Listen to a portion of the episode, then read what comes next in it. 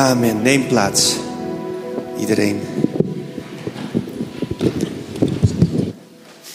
Shout Jesus from the mountains. Jesus in the streets.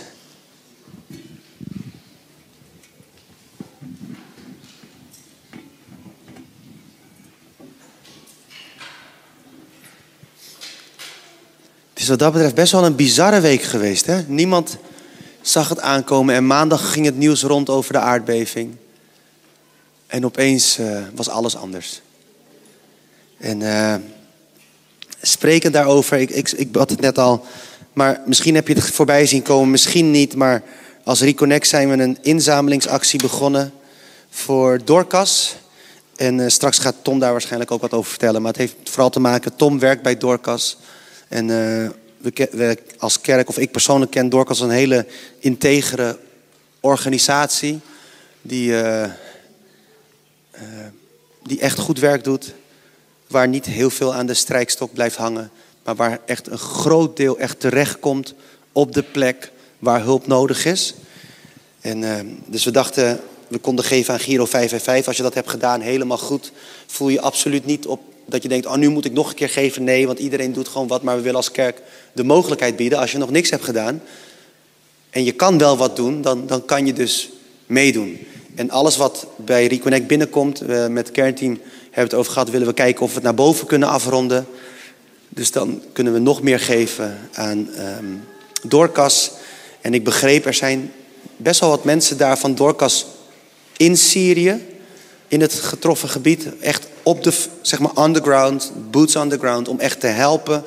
Uh, eten, voedselpakketten en nou ja, dat soort dingen. Wat ze ook doen is dat ze, als ik me niet vergis, dat ze ook uh, dat ze geld geven aan de moeders, de slachtoffers, de moeders, zodat zij uh, de boodschappen kunnen halen die nodig zijn, voor zover dat die er zijn, dan zeg maar. Maar echt om ook hun in hun waardigheid te geven, zeg maar, zeggen van ja, je kan dit ook zelf, maar wil je de middelen geven om voor je gezin te zorgen. Dus alsjeblieft, straks gaan we het er ook nog een keer over hebben, maar ik wil het nu alvast droppen dat het mag landen in je hart. En als straks de oproep wordt gedaan, dat we met elkaar echt kunnen zeggen, ja, we gaan dit doen. Weet je wel, uh, Sharon en ik, wij hebben ook gegeven wat we konden.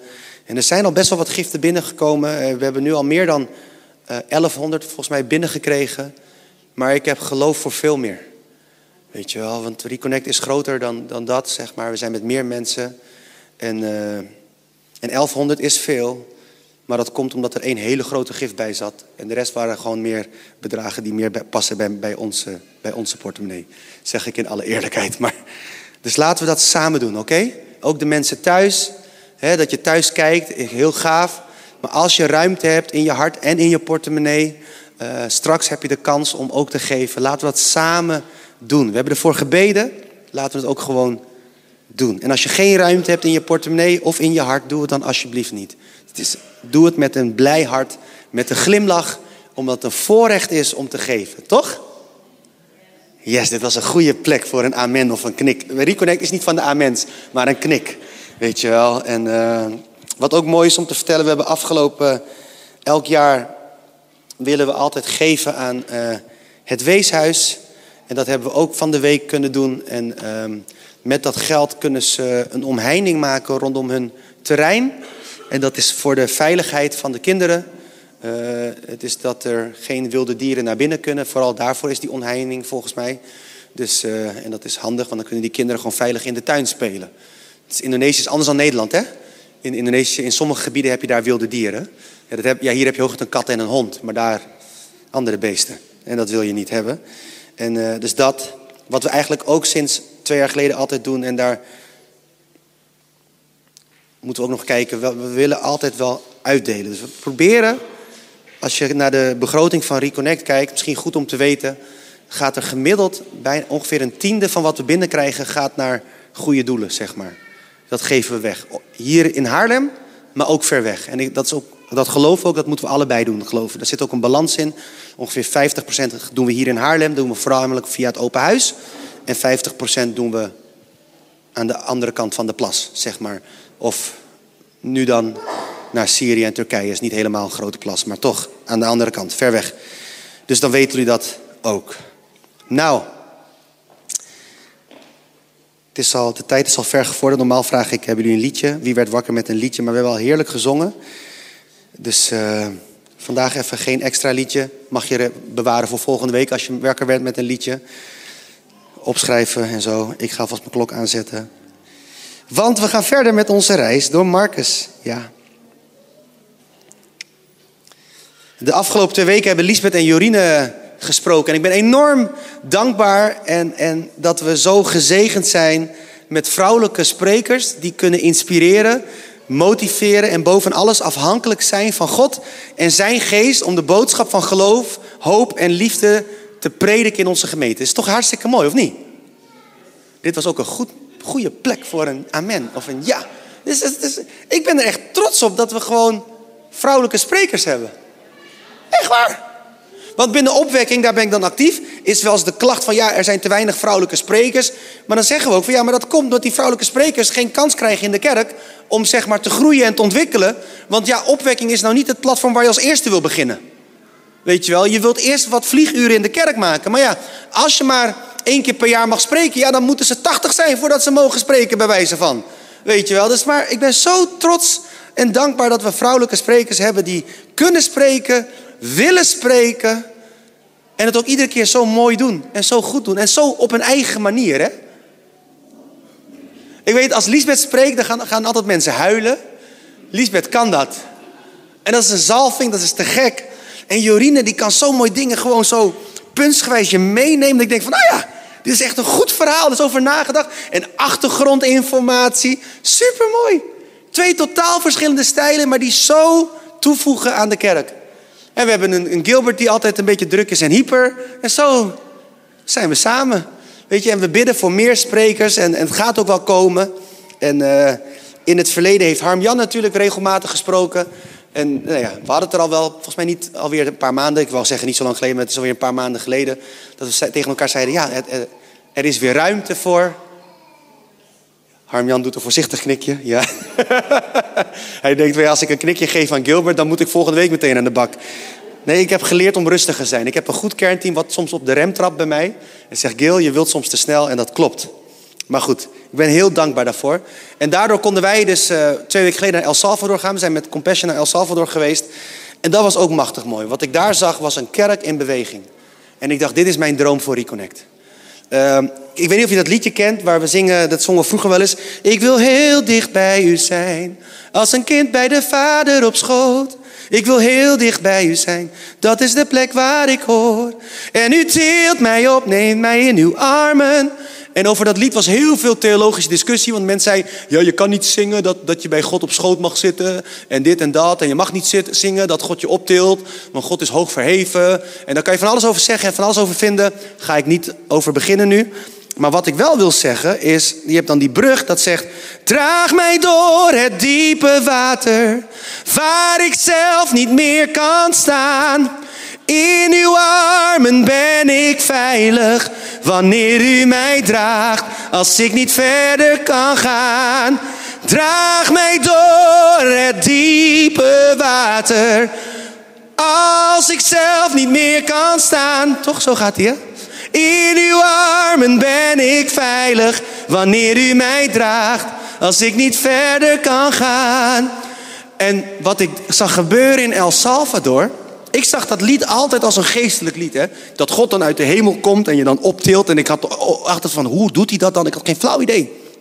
Maar daar zag ik de kerk in beweging. Het was niet alleen de leider, het was niet alleen de raad, maar het was de hele kerk.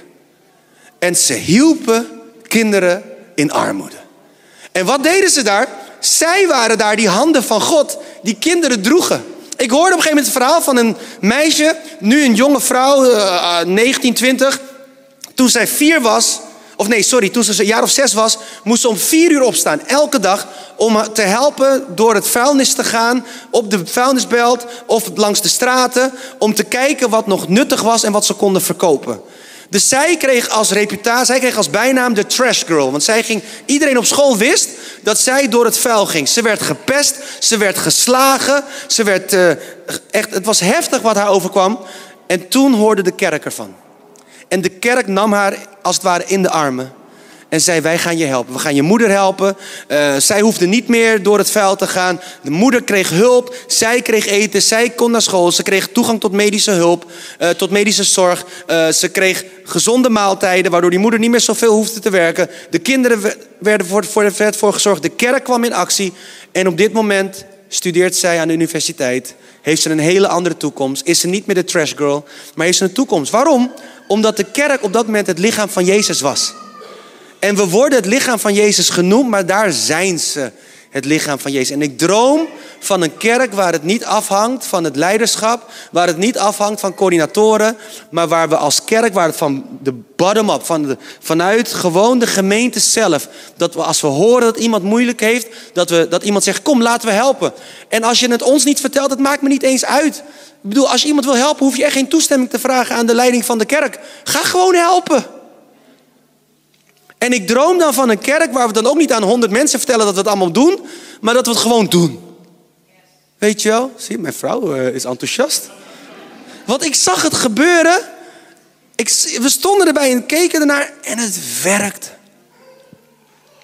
En dan kan je met heel weinig middelen heel veel doen. En laat nou net de preek van vandaag daarover gaan. Alsof het gepland was. Want we zijn bezig met onze reis door Marcus en we zijn beland bij Marcus 6 en daar gebeurt iets heel bijzonders. In Marcus 6 zendt Jezus zijn discipelen uit. Twee aan twee. Met dat hele mooie nieuws dat ze dan moeten gaan. En als ze niet ontvangen worden, moeten ze gewoon weer verder gaan. Stof van hun schoenen schudden. Maar ze moeten gaan zonder geld, zonder eten. En ze moeten gewoon gaan. En, en, en, en, en, en, God, en Jezus zendt ze uit. En dan zie je op een gegeven moment dat ze dan...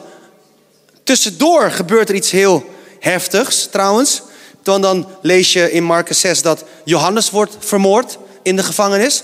Heel heftig. En, en stel, het zou best wel kunnen zijn dat Jezus dat nieuws heeft gehoord.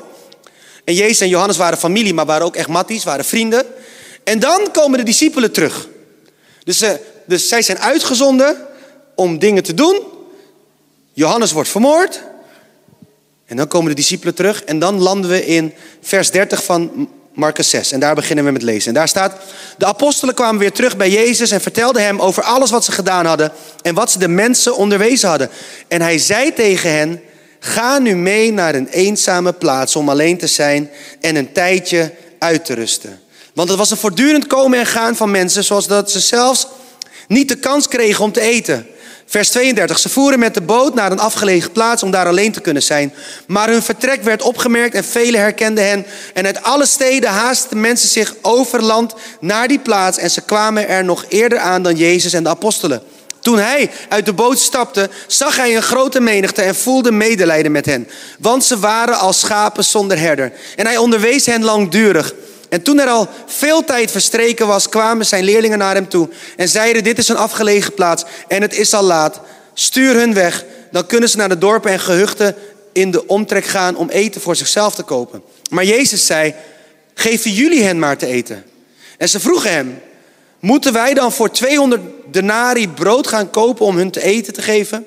En toen zei hij: Hoeveel broden hebben jullie bij je? Ga eens kijken. Ze gingen kijken en zeiden vijf en twee vissen. En hij zei tegen hen dat ze de mensen opdracht moesten geven om in groepen in het groene gras te gaan zitten. En ze gingen zitten in groepen van 100 en groepen van 50. En hij nam de vijf broden en de twee vissen, keek omhoog naar de hemel, sprak het zegengebed uit, brak de broden en gaf ze aan zijn leerlingen om ze aan de menigte uit te delen.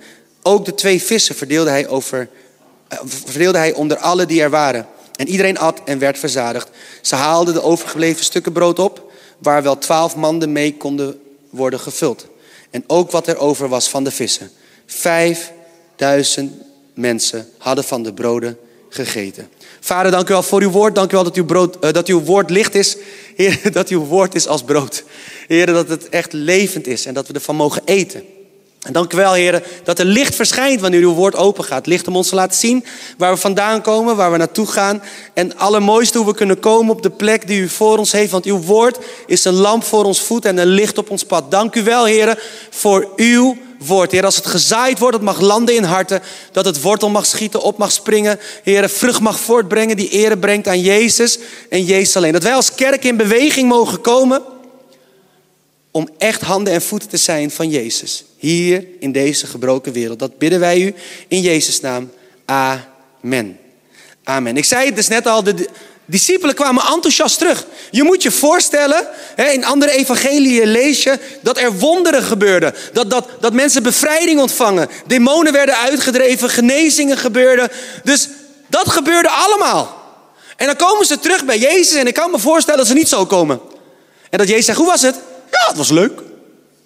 Waarschijnlijk niet zo. Ik denk, ik denk, ik, denk, ik kan me voorstellen dat Peter zo thuis kwam. Wow, het was vet! Zoiets. Toch? Hij was blij. Want er gebeurde wonderen. Want tot die tijd deed Jezus al die wonderen. En nu zagen ze, wow, God wil ons gebruiken. Gewoon ons, we zijn vissers. We zijn gewoon, we zijn niet de zoon van God, we zijn gewone mensen. Dus eh, blij, toch?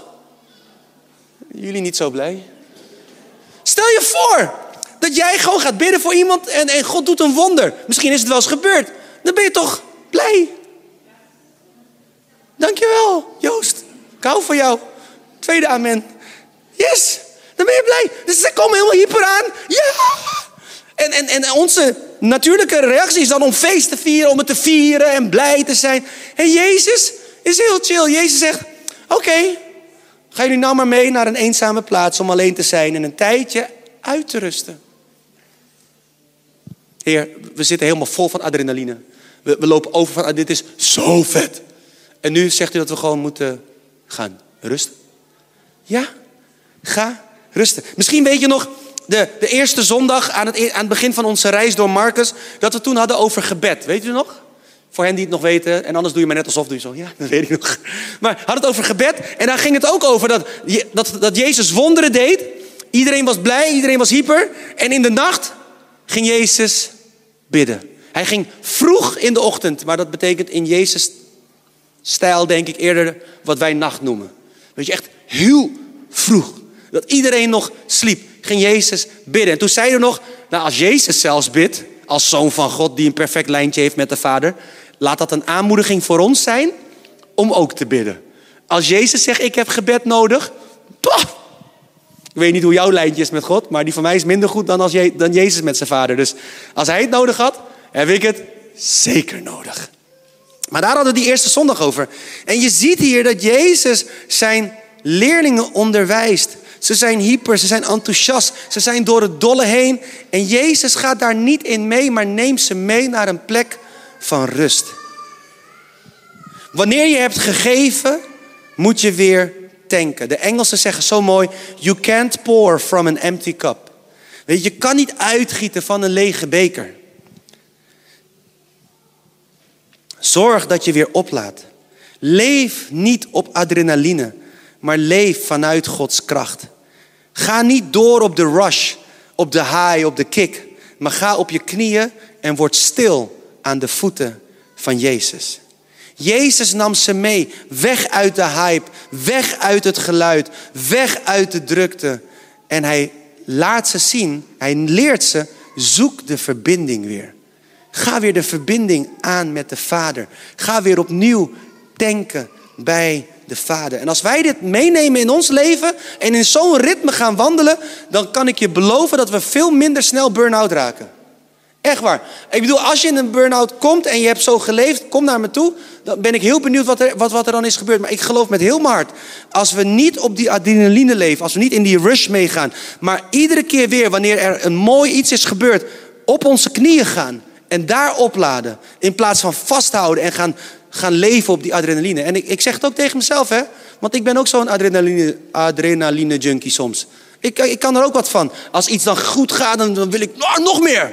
He, nog meer. Ik bedoel, ik ben, de, ik ben die maloot die na kerst denkt... en volgend jaar nog groter en nog mooier. Weet je wel, ik, ik, ik ga daar goed op. Maar ik moet ook leren, nee, niet op adrenaline leven... maar op je knieën. Vanuit de rust en de vrede die God je wil geven. Jezus nam ze mee. En je ziet dat ze door de drukte niet konden eten. En dat is wat drukte doet. Het ontneemt je je fysieke kracht als je niet op tijd de rust pakt. Drukte zorgt ervoor dat je niet op tijd gaat tanken. Dat je niet op tijd gaat eten. Het zorgt ervoor dat je op een gegeven moment helemaal leeg bent. En dan is het te laat. Drukte doet dat met je. Maar Jezus leert hier aan zijn discipelen: jongens, te gek wat er is gebeurd. We gaan nu knielen. En dus gingen ze met de boot naar een afgelegen plaats om daar alleen te kunnen zijn. Jezus neemt ze mee naar een plek om alleen te kunnen zijn. En de vraag die ik mijzelf en jou wil stellen: hoe vaak ga jij naar die plek om alleen met God te kunnen zijn? Doe je dat nog wel? Of is je schema zo vol dat je daar geen tijd voor hebt? Is, is God gewoon een, een agendapuntje even snel tussen alles door? Of plan je het echt in voor jezelf van dit is mijn tijd met God? Is God het telefoontje wat je tussendoor in je agenda doorheen wurmt? Of is hij een persoon die zegt van nee, maar u krijgt de ereplek. U krijgt een plek in mijn schema. En dit is niet om je aan te vallen, maar juist om je aan te moedigen.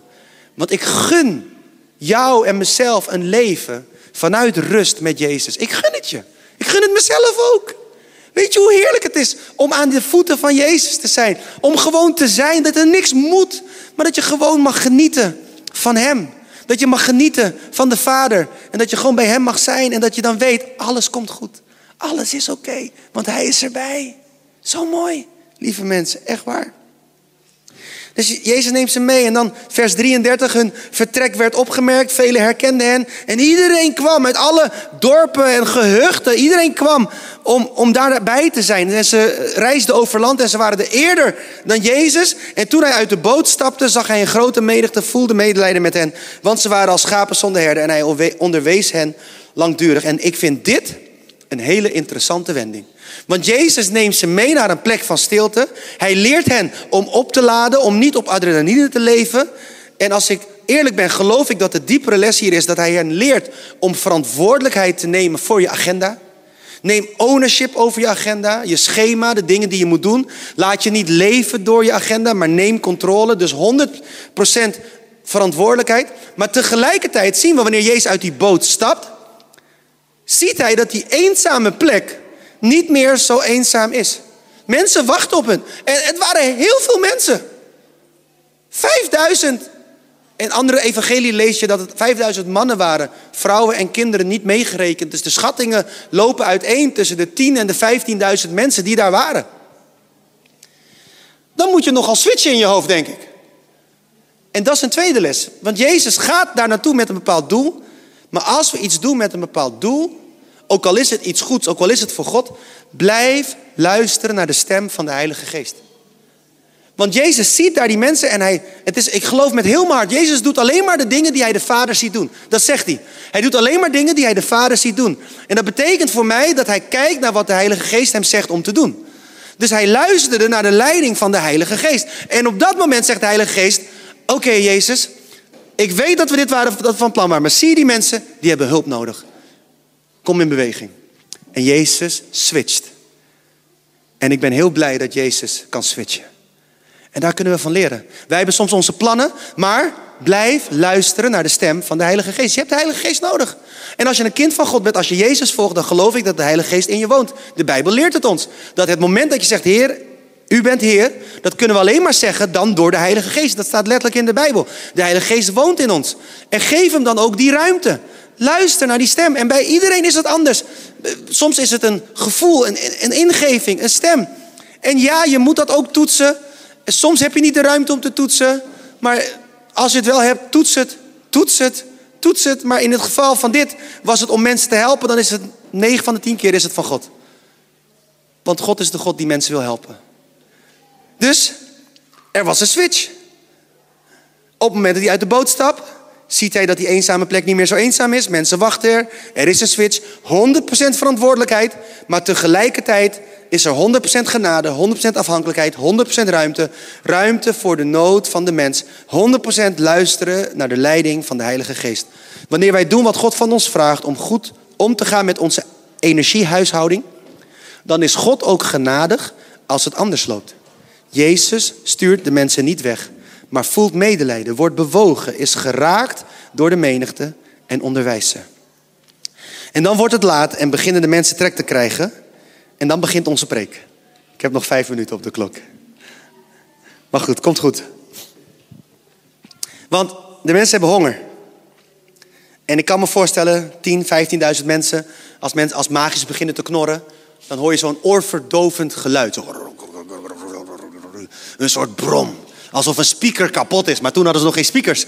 Dus dan weet je, er is iets anders aan de hand. En, al die magisch beginnen te knorren. En, en dan komt, komen die discipelen naar Jezus. En dat is het leuke van discipelen. Het lijken net mensen, het lijkt net op ons. Die gaan in oplossingen denken voor Jezus. Heer, het wordt laat. Mensen hebben honger. Wij hebben hier geen eten. Stuur ze naar huis, dan kunnen ze eten. Zou ik ook doen. Het zou niet in me opkomen om voor die mensen te zorgen. Want hoe ga je voor het 15.000, hoe ga je dat catering, welk cateringbedrijf zorgen voor 15.000 mensen? En helemaal niet als je het niet hebt geregeld. Ik bedoel, stel je voor dat hier opeens 15.000 mensen zouden zitten. En dat we dan opeens honger hebben omdat ik dan 10 uur ga preken. En dan opeens dat je dan het broodjeshuis in Haarlem belt. Ja, we hebben broodjes nodig voor 15.000 mensen. Dan gaan ze lachen. Toch? Het leuke is, zij zeggen, ja stuur ze naar huis. Want dan kunnen ze eten. En dan komt Jezus, en ik hou van Jezus, echt, Jezus is echt grappig. Hij zegt, geven jullie hun maar te eten. Punt. Hij geeft geen tip. Hij zegt gewoon, nee, geef jullie maar te eten. En daar gaan de discipelen weer, met hun logica. Moeten we dan voor dat geld wat we hebben, en dat is nog best wel veel, 200 denari zijn 200 daglonen als ik me niet vergis uit mijn hoofd. Dus dat is best wel wat geld, 200 keer een dagsalaris. Moeten we voor dat geld dan eten kopen? Voor 15.000 mensen? Dan is het weer te weinig. Dan eet je echt droog brood, dan krijg je een heel klein stukje. En ik kan me voorstellen dat Jezus zoiets had van, oh, snappen jullie het nog steeds niet? Ik heb gezegd, jullie moeten eten geven. Dus begin gewoon eten te geven met dat wat je hebt. Dus, en Jezus zegt het heel lief, op zijn manier. Maar, maar wat hebben jullie? Discipelen weer terug. Nou, ondertussen was dat jongetje gekomen met die vijf broden en twee vissen. Hier is mijn lunchpakketje. Dus die discipelen, uh, vijf broden en twee vissen. En Jezus is niet onder de indruk, is niet in de stress. En dat is ook een les die we kunnen leren. Jezus schiet nooit in de stress. Hoe weinig je ook hebt, als je bereid bent om dat te geven, is het genoeg. Hoe chill is dat?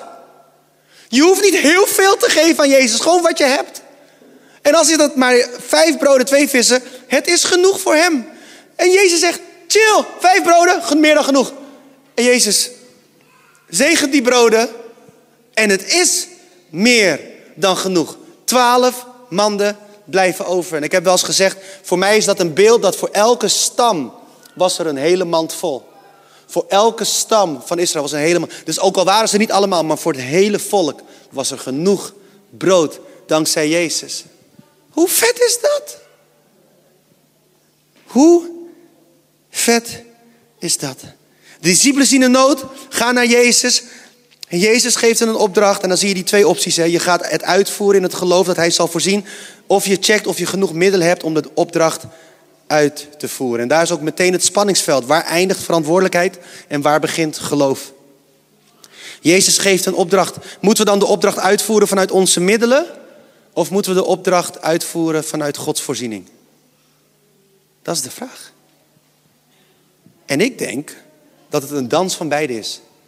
Dat we onze middelen geven aan God.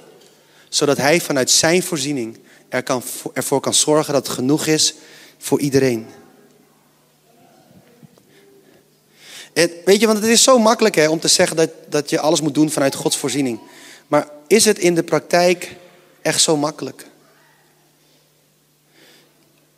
Ik ben zo blij dat Jezus niet afhankelijk is van wat wij hebben. Ik ben zo blij dat Jezus niet eens afhankelijk is van onze eerste reactie. Ik ben zo blij dat Jezus niet afhankelijk is van ons geloof, durf ik bijna te zeggen. Maar dat Hij wil werken met dat wat wij hebben. Dus al heb je maar een heel klein beetje geloof. Dat zegt Jezus ook, hè? Van een mosterdzaad. We bidden zo vaak voor, Heer, of daar, ik kom uit de Pinksterkerk en dan baden we altijd voor groot geloof. Geef me geloof om bergen te verzetten. Inmiddels geloof ik gewoon, Heer, geef me geloof dat ik de dag door kan komen. Op zware dagen. En soms is het ook heel makkelijk hoor. Maar weet je, een klein beetje geloof. Maar als hij dat kleine beetje geloof geeft, wil ik het aan hem geven. Dat is het. En daarom ben ik dus ook niet meer bang als mensen zeggen: Ja, maar ik heb, ik heb, ik heb niet meer zoveel geloof. Denk ik: Geen probleem. Dan maar met weinig geloof. Ja, maar inmiddels is mijn geloofsbalans negatief. Ook geen probleem. Geef die negatieve balans maar. Als je het maar geeft. Het probleem is dat wij het vast willen houden, omdat we denken dat het niet genoeg is. Dat is het probleem. We willen het vasthouden omdat we denken dat wij niet genoeg zijn. Maar wij hoeven nooit genoeg te zijn, want God is genoeg. Dus wij, wij moeten, moeten het geven. En dat is het allermoeilijkste. Want ik, ik plaag mezelf heel vaak dat ik een controlfreak ben. Maar stiekem zijn heel veel mensen controlfreaks. Dank voor die yes. Hoeveel mensen zijn Maar Jezus zegt, geef het aan mij. Geef het aan mij. Just give it.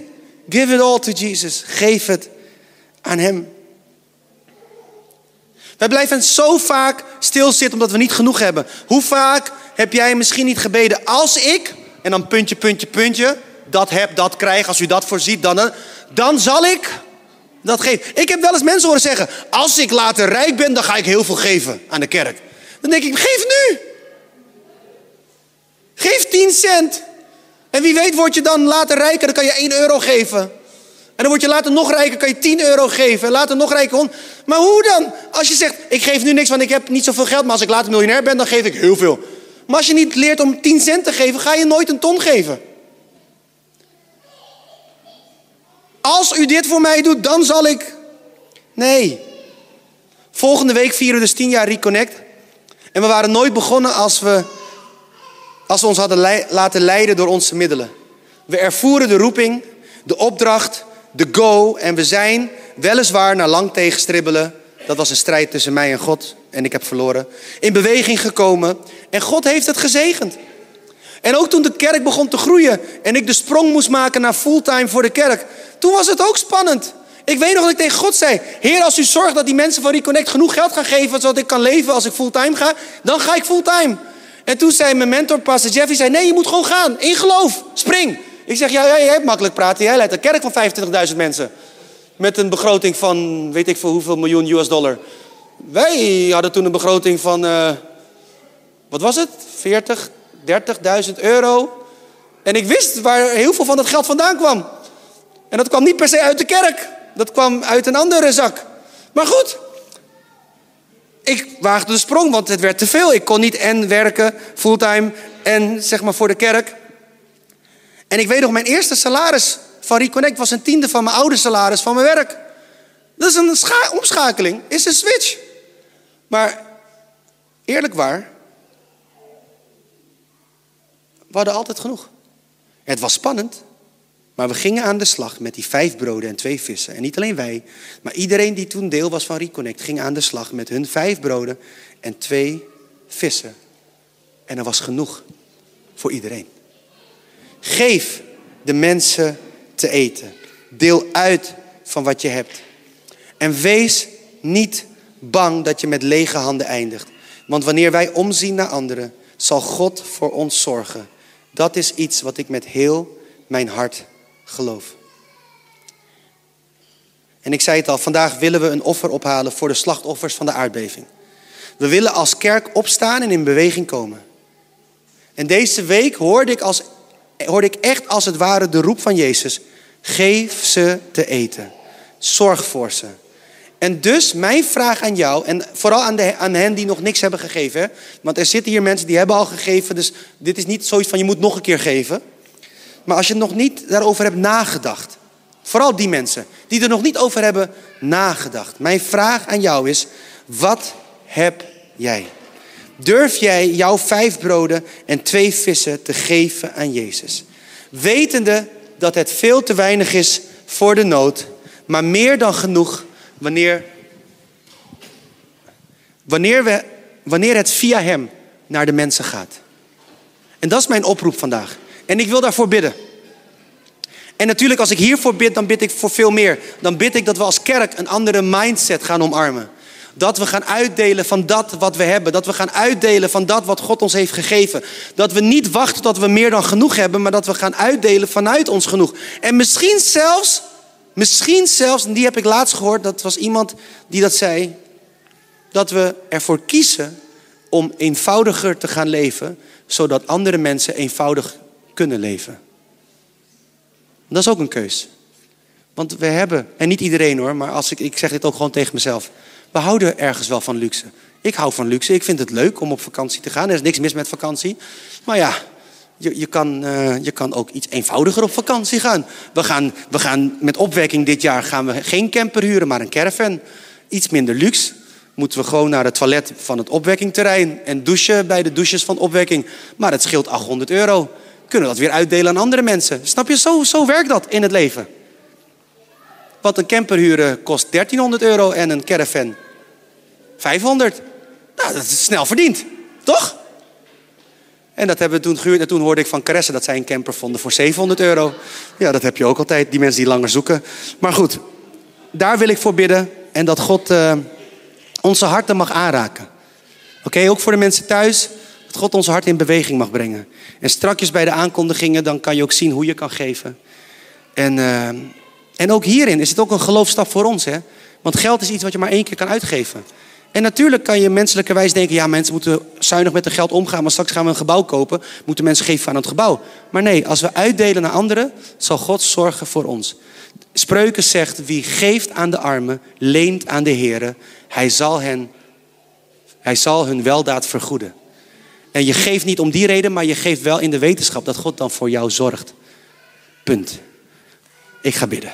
Vader, dank u wel voor uw liefde en uw trouw. Dank u wel dat u voor ons zorgt. Dank u wel, heren, dat u de God bent die altijd geeft. U geeft overvloedig. U bent zo'n vrijgevig God. En ik dank u wel, Koning Jezus, dat u ons ook oproept om vrijgevig te zijn. En vandaag bid ik voor een ieder. In ieder die meekijkt, meeluistert en ieder die het nog terugluistert. Ieder hier in de zaal. Heer, ik bid, beweeg onze harten. Raak onze harten aan. En, en spreek tot ons, Heer. Opdat er ruimte ontstaat.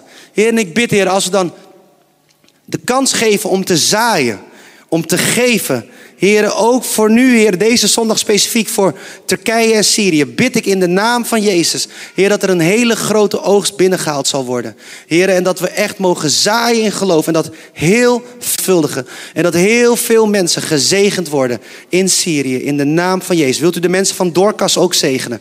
Heer, dank u wel. Heer, dat u onze harten wilt raken in de naam van Jezus. Amen. Amen.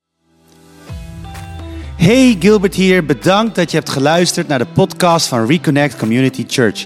Ik hoop en bid dat je er niet alleen door bent bemoedigd of geïnspireerd, maar dat deze uitzending jou ook weer meer heeft mogen wijzen naar Jezus en zijn liefde, genade en trouw voor jou en voor mij.